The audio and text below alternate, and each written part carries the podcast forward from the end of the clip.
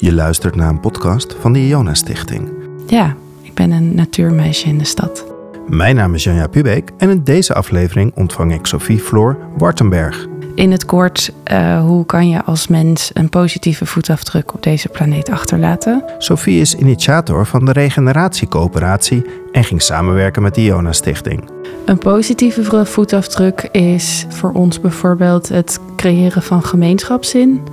Dus dat je veel meer in verbinding gaat staan met je omgeving en met jezelf. Dus willen we ons eigenlijk radicaal holistisch opstellen. De regeneratiecoöperatie droomt van een regeneratieve samenleving. Een samenleving waarin wij onszelf zien en gedragen als onderdeel van de natuur.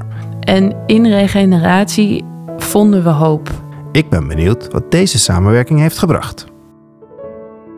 Sophie, welkom in de podcast van de Jona Stichting. Dankjewel. Kan je aan de luisteraar vertellen wie ben jij? Zeker. Uh, mijn naam is Sophie, Sophie Floor Wartenberg. En ik ben geboren in Amsterdam. Tot mijn achtste gewoond in West, in uh, de Bijlmer. En daarna ben ik met mijn ouders vertrokken naar Texel. En dat was een hele bijzondere omslag van de stad naar de natuur.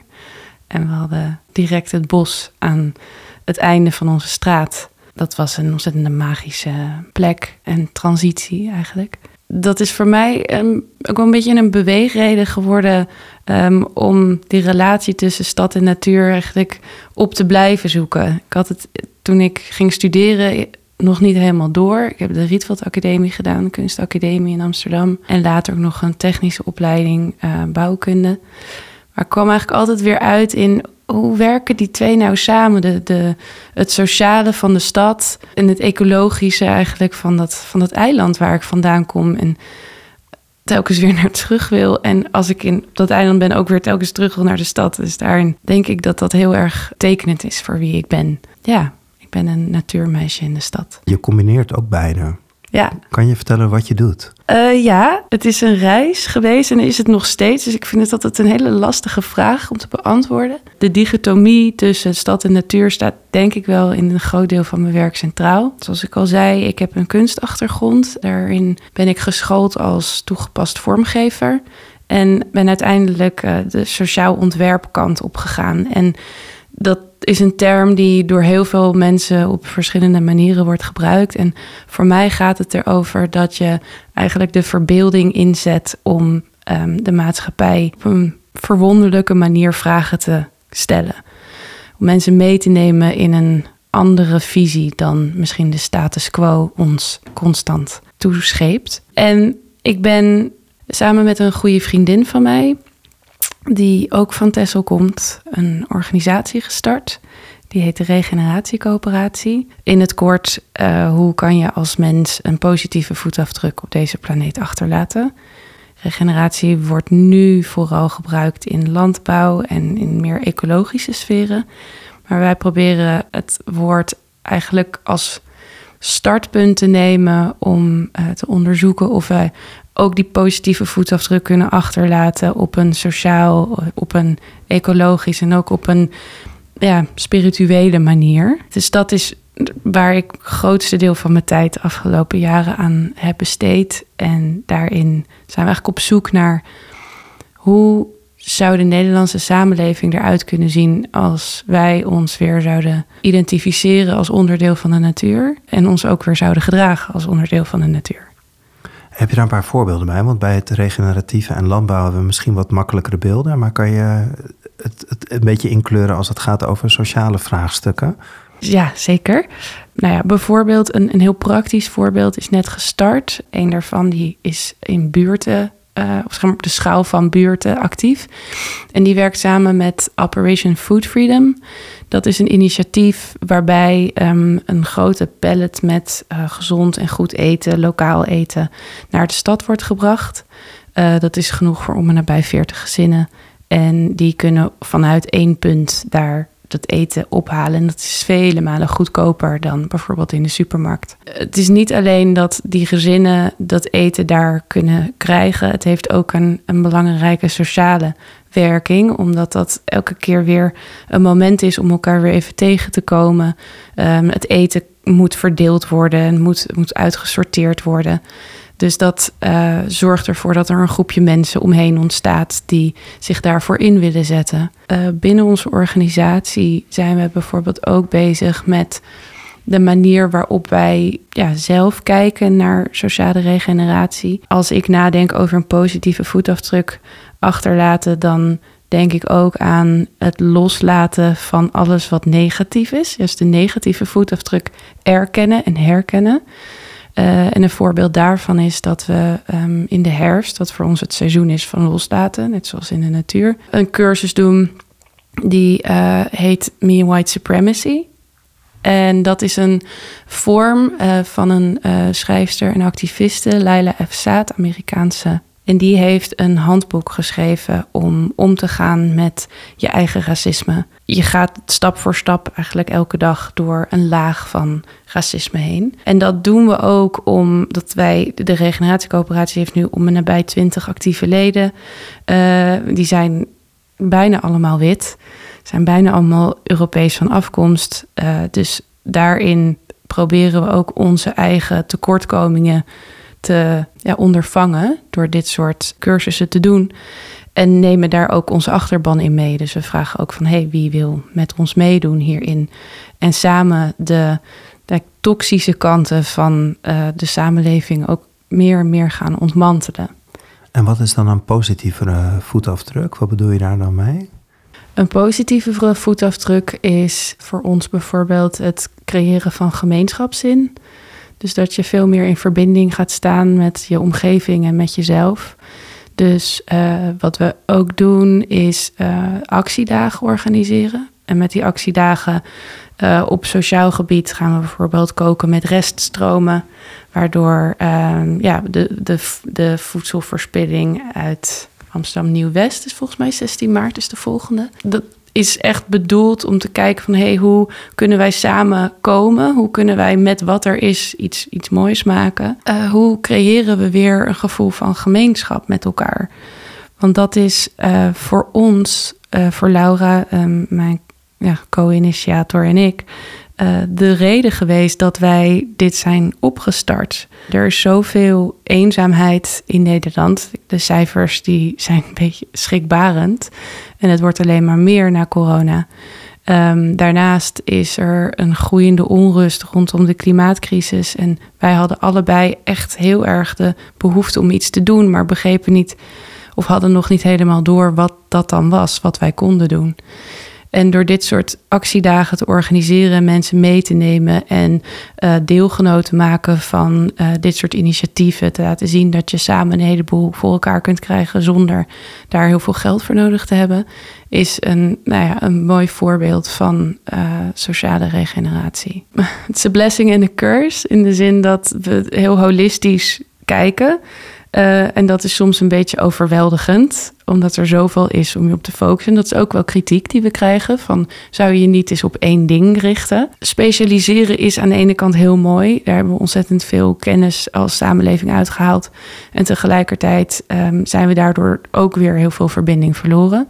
Dus willen we ons eigenlijk radicaal holistisch opstellen en laten zien dat zoiets simpels als koken heel erg veel implicaties heeft. Als je dat zou uittekenen, nou ja, ik, ik ben een kunstenaar, dus ik, ik zie veel dingen eh, visueel vormen. Zie ik een enorm web aan relaties. Uh, waar de ingrediënten vandaan komen. Wie hebben daar aan meegewerkt? Uit welk landschap komen ze? Wat was het klimaat? Uh, wat voor um, andere wezens hebben daar nog aan meegeholpen om ervoor te zorgen dat het überhaupt op mijn bord ligt? Laat staan van wie heb ik geleerd hoe ik dat moet bereiden? Wat voor recept gebruik ik? Met wie eet ik? En waar gaat het afval naartoe? Dus daarin zie je eigenlijk al de hele wereld terugkomen. En dat is iets wat ja, wat ons betreft veel meer weer naar de voorgrond toe moet gaan. En dat is een complex verhaal. Maar complex betekent niet dat we het niet zouden moeten doen. We zitten bij de Iona Stichting. Hoe ben je hier dan terechtgekomen? Wat bracht je hier? Nou, we hebben nu hulp gekregen van de, van de Iona Stichting. We hebben twee aanvragen gedaan en beide gekregen voor het jaarprogramma wat we hebben georganiseerd en waar we nu dus ook vol uh, mee bezig zijn. En hoe we bij de Iona Stichting terechtkwamen, is eigenlijk het ontstaansverhaal. Wat ons heel erg aansprak en waarvan we dachten: hey, hier voelen we ons mee verbonden. Namelijk het, het eiland Iona, waar de naam vandaan komt. En hoe dat een, een spirituele plek is geweest in het verleden. Heel, ja, best wel bijzondere pelgrimsoord volgens mij zelfs geweest is. Dat was voor ons ook een motivatie om ook binnen Europa te kijken naar hey, waar, waar komen wij vandaan? Uh, en wat is er nog aan uh, verbinding met het, met het land en verbinding met de, de omgeving? En daarin meenden we een, een connectie te zien. Toen zijn we in contact gekomen en uh, ben ik ook een aantal keer in een gesprek in ditzelfde gebouw geweest. En dat voelde heel goed. Het, het, het, ja, het was alsof we echt vanuit eenzelfde blik naar de wereld keken. En met hun expertise en ervaring denk ik dat ons project ook wel aangescherpt is. Juist door de aanvragen te schrijven moesten we ook concreet worden en hebben we een heel mooi, uh, een heel mooi plan geschreven. En daarnaast ja, zijn er maar weinig plekken tot nu toe waar nou ja, het holistische, waar we het net al over hadden, ook zo gerepresenteerd is. Dus dat was een, uh, ja, een warm welkom. En wat voor aanvraag heb je ingediend? Uh, dit specifieke stukje, dat zit binnen de afdeling, als het ware, waarin we, uh, die we bewegingsopbouw noemen. En wat we daarin proberen te doen, is om de regeneratieve beweging in Nederland eigenlijk te laten groeien en bloeien. Door het woord regeneratie veel meer te laten vallen, door het uit te leggen, door mensen mee te nemen in wat het betekent, wat het kan betekenen. Uh, door ja, workshops te organiseren om te kijken of mensen het eigen kunnen maken. En dat hebben we afgelopen drie jaar gedaan in de vorm van learning sessions. Dus het zijn online lezingen van mensen die al langer met regeneratie bezig zijn. In workshops op het land, waar ik net ook al over vertelde. Maar wat we nog misten was de, de coherentie tussen die verschillende stukjes. Want wij zijn echt begonnen, en dat hebben we nog steeds, en dat willen we eigenlijk ook altijd vasthouden, dat wij ook geen definitie hebben van het woord regeneratie. Het is iets wat leeft, het is iets wat groeit. Uh, en wij zijn een onderzoek aan het start, of wij zijn een onderzoek aan het doen naar wat het voor ons betekent. Dus al die Hoe zou je het nu omschrijven waar je nu staat en wat je nu doet? Hoe zou je het woord regeneratie nu duiden? Nou, en dat is het voor de organisatie nog steeds. Dus die, die positieve voetafdruk, daar begon het echt. Gaat het voor mij veel meer over het onderzoek naar wie ben ik in relatie tot de meer dan menselijke wereld om me heen. Dus wat, wat maakt mij anders of ja, wat maakt ons zogenaamd anders dan de rest van de levende wereld? Um, en zijn we daar niet een beetje in doorgeschoten? En hoe kunnen we ons weer opnieuw verbinden met deze omgeving? Dat zijn voor mij, denk ik, de, de meest tastbare vragen om, om nu echt op een andere manier um, mensen mee te nemen in dit verhaal. Omdat het probleem met regeneratie is, het wordt nu een beetje gezien als een deluxe variant van duurzaamheid. Een soort van je hebt regeneratie plus plus plus. En dat vind ik ergens jammer, omdat het het bagatelliseert dus die, die, die veelzijdigheid van, van het woord. Ik heb soms ook wel eens het idee dat, dat er aan greenwashing wordt gedaan of zo, hè, met het woord. Ja, totaal. Ja, ja absoluut. Ja, dat is het, het, het probleem. We zagen dat met biologisch ook, voordat het echt um, gecredit werd, zeg maar. En een, een soort keurmerk werd met, met handvatten eronder en eisen. Um, en, en nu gebeurt hetzelfde met regeneratief. Heel veel grote uh, multinationals gebruiken het woord nu van uh, uh, ja, zaadfabrikanten als Bayern naar Coca-Cola, naar Shell zelfs. Die, hebben, ja, die lopen er ontzettend vrolijk mee rond. en dat is toch echt wel een hele andere definitie dan die wij hebben. En daarom vinden we het ook, nou ja, daarom willen we dus ook die beweging letterlijk opbouwen. Om ervoor te zorgen dat mensen begrijpen dat het um, in essentie iets heel erg moois kan zijn. Um, maar ja, dat we wel nu heel hard moeten um, ja, vechten eigenlijk om dat woord ook weer te beschermen tegen de commercie die ermee aan de, aan de haal gaat. Wat heb je ontworpen of waar zit je nu middenin om dit nieuw leven in te blazen? Ja, uh, nou ja, wat we dus hebben gemerkt is uh, om die veelzijdigheid te laten zien, is het ongelooflijk moeilijk om erover te praten. Je moet het eigenlijk ervaren. Je moet het doen. Um, en, het, het project wat we hier ook hebben inge, ingediend um, is uh, een seizoensprogramma waarin we een uh, jaar lang mensen meenemen in die mogelijkheden van regeneratie. Dus we proberen mensen echt op gevoelsniveau, op zielsniveau en misschien zelfs wel op wereldbeeldniveau mee te nemen in dit is hoe het ook kan. Zonder um, te leraarachtig te zijn en met het vingertje te wijzen van zo hoort het. Het is dezelfde groep die je in een jaar meeneemt? Of kunnen mensen op een verschillend moment instappen en ook weer uitstappen in dat jaar? Is het? Ja, nu nog wel. Nu is het vrijblijvend. Um, maar we hebben telkens meer de behoefte om mensen echt een jaar mee te nemen, omdat je door die verschillende fases eigenlijk heen moet gaan volgens ons, want dat hebben wij zelf gedaan en we merken dat dat ons heeft geholpen, om echt beter te begrijpen uh, wat regeneratie voor je kan betekenen.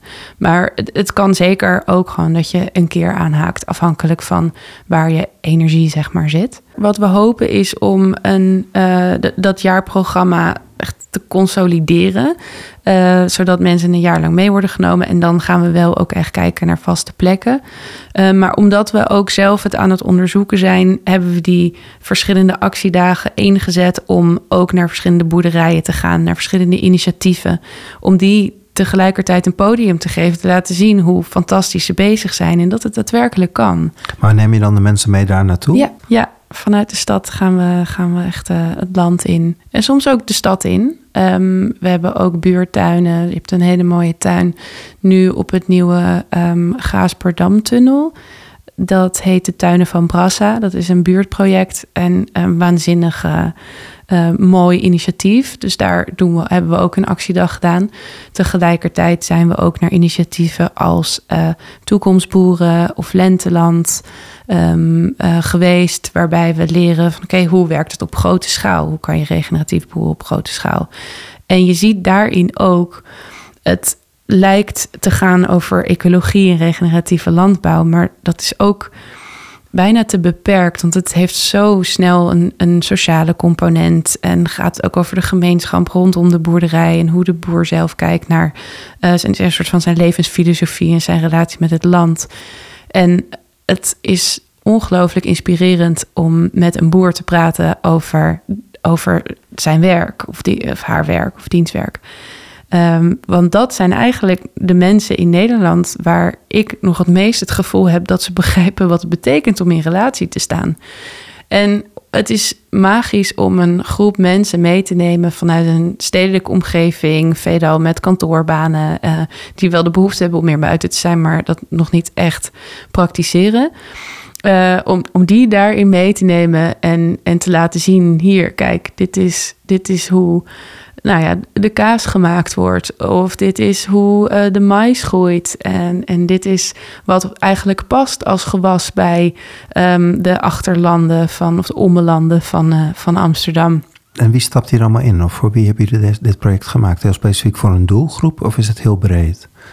Uh, we merken dat er heel veel verschillende mensen op afkomen. We hebben het zeker gemaakt met een jongere doelgroep in ons achterhoofd. Een jongere doelgroep uit de stad? Ja, dus we zitten tussen de, de 15 en de 35. En de, de piek ligt eigenlijk tussen de 20 en de 25.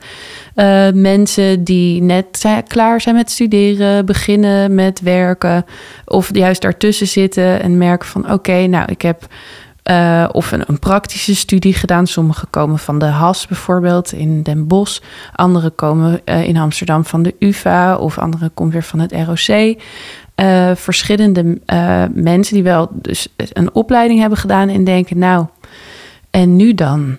Moet ik dan bij een groot bedrijf gaan werken, maar ik wil iets doen voor de wereld, maar dat voelt zo, zo, zo artificieel, zo kunstmatig. Ik wil echt bijdragen. En waarom we focussen op deze groep is omdat wij um, nu met een groep van acht mensen uh, beweging, het bewegingsopbouwdeel aan het opzetten zijn en ermee bezig zijn. En we allemaal door diezelfde zoektocht zijn gegaan. En de een linksom, de ander rechtsom. Maar allemaal zijn we op punten geweest waarin we ons zo verloren voelden. Waarbij de ja, soort van de golf van ellende die als een doem scenario, een wolk ergens verderop, uh, ja, als het ware op je zit te wachten. Weet je, IPCC-rapport naar IPCC-rapport lezend. Um, allemaal een bepaalde mate van een klimaatdepressie hebben gehad. Wat moet je met dat gevoel van onrust? En in regeneratie vonden we hoop. Uh, vonden we dat positieve verhaal. En niet alleen hoop van ik ga achterover zitten en het komt wel goed, maar echt een actieve hoop van ik ga nu mijn stinkende best doen. En dan weet ik dat ik bijdraag in plaats van alleen maar aftakel. En dat is iets waar we, nou ja, ik denk dat je iedereen bij ons zo'n twinkel in de ogen kan zien. Uh, op het moment dat we het hierover hebben. En dat wilden we gewoon met zoveel mogelijk mensen delen. En zorgen dat de zoektocht die wij hebben gehad misschien net ietsjes korter kan zijn voor de mensen die naar ons komen. Dus ook de reden dat we deze aanvraag hebben gedaan en nu dus in het pilotjaar zitten van dit project, is om te kijken van oké, hoe kunnen we dit nog beter aan laten sluiten op de doelgroep. Dus zijn ook aan het kijken of je misschien studiepunten kan gaan krijgen om met ons mee te doen.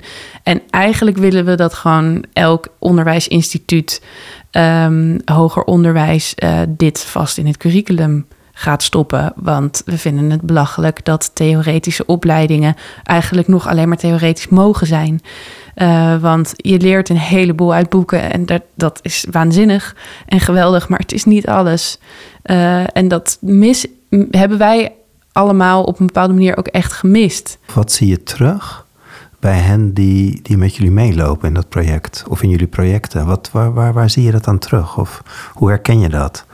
Het, zelfvertrouwen in dat je ook kunt leren zonder dat iemand je vertelt hoe het hoort. Namelijk door stil te zitten en te kijken uh, en het te ervaren en je, um, je, je zintuigen weer te gebruiken en nieuwsgierig te zijn. En dat is iets wat ik zo bijzonder vind van samenwerken met deze groep en ook gewoon op naar een land, landgoed toe gaan of een, een stuk grond. Bijvoorbeeld afgelopen zaterdag uh, waren we bij een CSA helpen. Dus dat is een, een grote tuin. Een CSA staat voor Community Supported Agriculture, waar je groentepakketten uh, vandaan kunt halen. En dan betaal je aan het begin van het seizoen. Je krijgt dan elke week een pakket en daardoor deel je de lasten van een goed of een slecht seizoen. Nou, wij gingen daar helpen. En dan sta je twee uur lang makkelijk uh, uien in de grond te stoppen of uh, uh, onkruid of gras eruit de bedden te trekken. En in eerste instantie denk ik ook wel, dan sta ik daar en denk ja, wat ben ik nou aan het doen? Ja, het is op zich wel lekker meditatief, rustig en ik doe wat actiefs. Maar dan op een gegeven moment trek je een stukje gas eruit en dan komen er allemaal regenwormen uit. En denk je, hè, wat, wat veel regenwormen? En waarom zit er eigenlijk een verdikking op een regenworm? Uh, en het volgende stukje wat je eruit trekt, uh, komt er weer een ander insect naar boven. En je ruikt iets en dan kijk je om en dan blijkt dat opeens een hele andere soort van. Want was het nou knoflook, bieslook te zijn, wat dan ook heel goed blijkt te zijn voor de biodiversiteit. En het observerend leren en het nieuwsgierig, op nieuwsgierigheid gebaseerd leren, uh, dat is iets wat mensen zo uh, enthousiast maakt. En, en wat we misschien wel zijn kwijtgeraakt, hè? Ja, veel. Ja, veel wel. Uh, want het lijkt alsof, alsof we iets pas als waar achten op het moment dat we het of hebben gelezen ergens in. En het liefst dan ook nog met een hele goede bronvermelding erbij. En er moet altijd een afzender zijn die op een bepaalde manier jou geruststelt dat dit legitieme informatie is. Maar we hebben natuurlijk als, als mensheid uh, uh, jarenlang, eeuwenlang uh, geleerd van de, onze omgeving door te observeren. En dat doen we nog steeds. Ik bedoel, dat is hoe kinderen uh, ja, zichzelf onderwijzen om in de wereld te zijn. En dat kunnen wij als volwassenen ook. Maar dat, ja, wat je zegt, dat zijn we verleerd. Ja, het is een soort ludodidactiek. En dat is ongelooflijk bijzonder om mensen is dat mee te lastig? Geven. Ja, het is ongelooflijk. Het is ook frustrerend. Ja, waar zit dat in? Nou ja, omdat je niet direct uh, antwoord krijgt. Um, en, en ik ben zelf nou ja, hier dus al een aantal jaar mee bezig. En alsnog vind ik het soms ongelooflijk moeilijk om een uur stil te zitten en naar een boom te kijken. Wat ik af en toe doe als een soort van practice. Maar dan denk ik, ja, wat doe ik hier? Uh, ik ga wel iets, iets lezen, bijvoorbeeld. Of uh, ik, ik heb wel betere dingen te doen. Dus de vertraging die nodig is om weer in dat spel te komen, in die verwondering en in die nieuwsgierigheid, uh, die, ja, die, die, is er, die wordt een beetje. Nou, die wordt er al snel uitgehaald door de, door de snelheid van ons digitale leven. Dus dat is soms ook erg frustrerend. En wat nog wel eens naar voren komt, of wat wij als kritiek krijgen, of in ieder geval als vraag van ja, allemaal eh, leuk en aardig en één met de natuur en zo, maar alsof die natuur altijd zo poezelig is en leuk en lief. En dat is ook zeker niet zo. Um, uh, en het betekent niet dat het nu opeens een soort van de zon altijd zal schijnen op het moment dat wij een regeneratieve samenleving zouden uh, hebben. Maar dat is denk ik ook de manier waarop wij geacht zijn te kijken, omdat wij ontzettend naar een frictieloos bestaan aan het, aan het toewerken zijn. We proberen zoveel mogelijk moeilijke dingen uit ons leven te halen. Maar die moeilijke dingen die vormen ons juist heel erg. En dat is iets wat we ook in het jaarprogramma heel erg mee proberen te nemen. Dat is waar we het net over hadden met uh, kijken naar je eigen racisme. Dat is, dat is lelijk, dat is naar. Dan kom je erachter dat je eigenlijk misschien helemaal niet zo aardig altijd bent als je denkt dat je bent. Maar juist daarin zit ook weer de, de kracht van transformatie. En als je een gemeenschap hebt waarin je dat uh, kan doen terwijl je wordt ondersteund, dan denk ik dat je heel veel weer krachtige mensen uh, maakt, als het ware. Ja. En geven jullie dan eigenlijk de bedding of helpen jullie ook? Hè? Want het, het, bewust worden van, van je eigen uh, racisme, het voorbeeld wat je geeft, kan ook best wel heftig zijn, zeg maar. En, en dan? Ja, zeker. Dus ze verschijnen ook in alle gedaanten en uh, in wie ze zijn. Ja, ja, absoluut. Um, ja, nou ja, allereerst proberen we altijd alleen maar aan te bieden wat we zelf kunnen dragen. Dus we zouden in theorie nog veel dieper willen gaan, maar dat, dat, dat kan nu niet. We zijn daar niet uh, onderlegd genoeg voor om echt de hele zware emoties te dragen. Uh, en dat is ook een reden waarom we willen dat mensen het hele jaar doorlopen. Want uh, op het moment dat jij de herfst doet, en dat is tot nu toe het heftigste seizoen, waarin het gaat dus over ontpellen en dood en doodgaan en eigenlijk fermenteren en alles wat niet meer werkt loslaten, dat is een pijnlijk proces.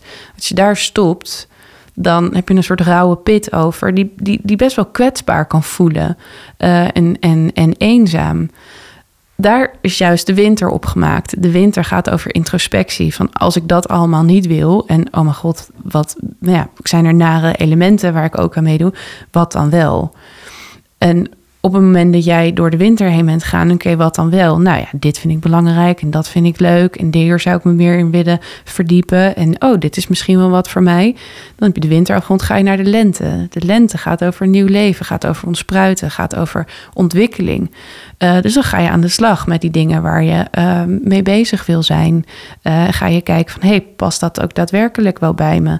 Dan heb je een soort van de zaailingen waar er een aantal van tot echt wasdom komen en, en, en, en uh, volgroeid raken. En anderen ook weer los moet laten. En in de zomer kan je dan ook daadwerkelijk dat gaan doen. Um, dus daarin proberen we mensen echt wel te motiveren om vooral als ze de herfst hebben gedaan, wel ook nog een tijdje met ons verder te gaan. En um, doen ze dat niet. En zeg maar in al onze sessies, met name als het wat, wat dieper gaat, uh, zorgen we wel voor dat we een hele goede soort van aftercare hebben. Dat we mensen ook wel echt meenemen en een klein stappenplannetje geven van hoe ze zelf vervolgstappen kunnen nemen. Nou leven we ook een beetje in een tijd waarin er best lelijke kanten van mensen naar boven komen. Als je naar nou, gewoon de, de wereldproblematiek op dit moment kijkt. Hoe, hoe ga je om met het verliefd op al het leven, terwijl we ons nou toch ook echt wel aan het vervreemden zijn van, van al het leven ook wel eens. Het is niet alleen maar mooi wat we met elkaar doen. Nee, zeker niet. Ja, wij en ik, ik ook kom uit best wel een dalperiode... Waar, waardoor ik nu ook juist weer die, het licht kan zien. Ehm, en de lelijkheid van wat er nu gaande is... laat denk ik heel duidelijk zien waar de problemen ook zijn... waarin we uh, ons nu um, ja, een soort van een, een, een, positie moeten geven. En verliefd op al het leven betekent voor ons niet dat alles goed is, um, maar dat we weer, wat ik al eerder zei, weer in relatie willen staan met de elementen om ons heen, met de ecosystemen, met ook de mensen um, en met onszelf. Paul Hawken is een, ik kom hierop terug, is een, uh, een journalist en ook wel een klimaatactivist. Uh, die heeft een boek geschreven, meerdere, waarvan eentje die heet Regeneration. En daarin zegt hij, kiezen we voor leven of kiezen we voor dood? Um, en regeneratie is kiezen voor het leven keer op keer op keer op keer op keer wat er gebeurt met mij als ik in die file sta, bijvoorbeeld, of als ik uh, lees over de verschrikkelijkheden die er momenteel gaande zijn in de wereld, of dat nou gaat over uh, uh, ecologische rampen, over de oorlog in Palestina, over, nou, noem het maar op, wat voor walgelijke dingen er allemaal gaande zijn, dan maakt dat me strijdbaar. En verliefd zijn op het leven betekent dat ik iets heb om voor te vechten. En verliefd zijn op het leven betekent dat ik ontzettend veel pijn voel als ik zie dat er een ecologische ramp heeft plaatsgevonden. Maar het geeft me ook de kracht om daarover te rouwen en dat om te zetten in iets hoopvols, in die positieve energie. Om eigenlijk mijn eigen vuurtje weer op te stoken met het gif van wat ik soort van soms over me heen krijg. Uh, waar die gemeenschap zo ongelooflijk belangrijk is om samen te rouwen over datgene wat er gaande is. En dat is ook iets wat we, ja, lijkt in dat, in dat frictieloze bestaan een beetje te zijn losgelaten. Het feit dat de natuur ook dood is. Het, het, is, het is vergankelijkheid. Het is loslaten van ook de, de prachtige dingen van het leven. Die, het, alles is tijdelijk, wij zijn tijdelijk. Uh, en hoe kan je de, de tijd die je hebt hier op aarde zo goed mogelijk inzetten? En dat zou ik altijd vanuit een positie van liefde willen doen. En ik denk dat dat is de, zeg maar de essentie is van waar die laatste zin ook echt over gaat. Een andere mooie zin die, die ik las op, de, uh, op jullie website is: We dromen van een regeneratieve samenleving. Een samenleving waarin we onszelf zien en gedragen als onderdeel van de natuur. Waar droom je van? Um, ja, dat is uh, iets wat ik ook heel graag met meer mensen zou willen doen. Uh, om echt een horizon te maken met al onze, al onze dromen. Uh, elementen die voor mij daarin zitten. Um, ik heb een paar jaar geleden uh, een, een boek gelezen. Dat heet Women on the Edge of Time.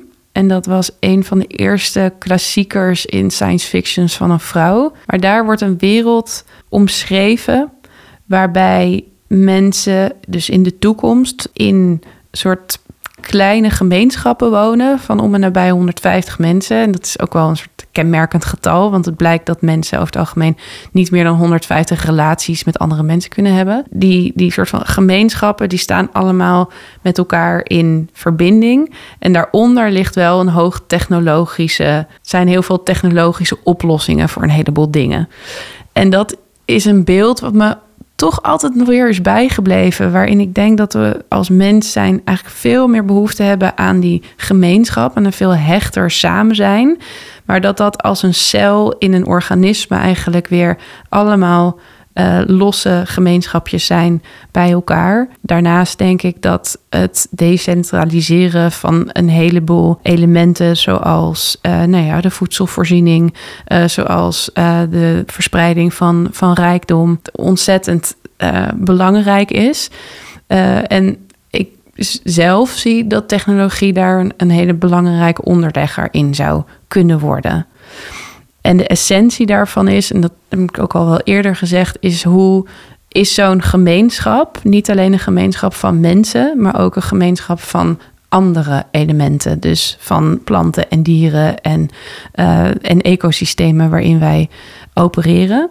En wat wij veel gebruiken uh, om het ietsjes tastbaarder te maken, is het concept van een bioregio. En een bioregio is eigenlijk een stuk land wat hetzelfde soort grote ecosysteem heeft en ook een, um, een, een watershed deelt. Dus dat is een plek waar al het water op een bepaalde manier circuleert in een, in een, um, in een, in een gebied. Dus wij zitten als je kijkt naar de Europese definitie van een bioregio, heb je de Nederland en eigenlijk de hele Benelux. Het uh, is één, één stuk, zeg maar, is één, één bioregio. En dat zou wat mij betreft een veel logischere natie zijn dan de arbitraire grenzen die landen nu bijvoorbeeld hebben. Dus als ik met mijn ja, verbeelding en mijn kunstenaarschap gewoon heel ver vooruit mag denken, dan zou ik bijvoorbeeld de kaart van Europa helemaal opnieuw willen herzien en die bioregio's als soort geopolitiek startpunt willen nemen. Uh, en vanuit daar kan je dan kijken hoe kunnen die uh, gebieden ook weer samenwerken. Dus ik ben ook met een ander project bezig, uh, wat hopelijk hierna ook weer even iets meer ruimte krijgt. En dat gaat over voedselrituelen.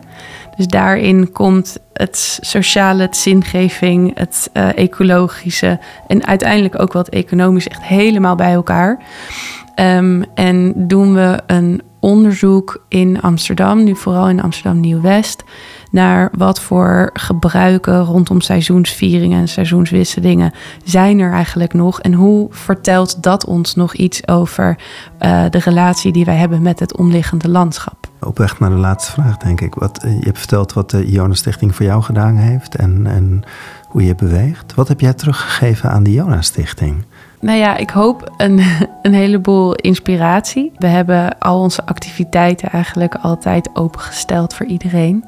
Uh, dus daarin, ik weet niet hoeveel mensen er via de Iona Stichting ook naar onze activiteit zijn gekomen. Dat zou ik eens moeten, moeten nakijken. Maar we hebben er zeker een aantal gehad die juist via de, uh, ja, de, de PR zeg maar, van de Iona Stichting ook bij ons zijn gekomen.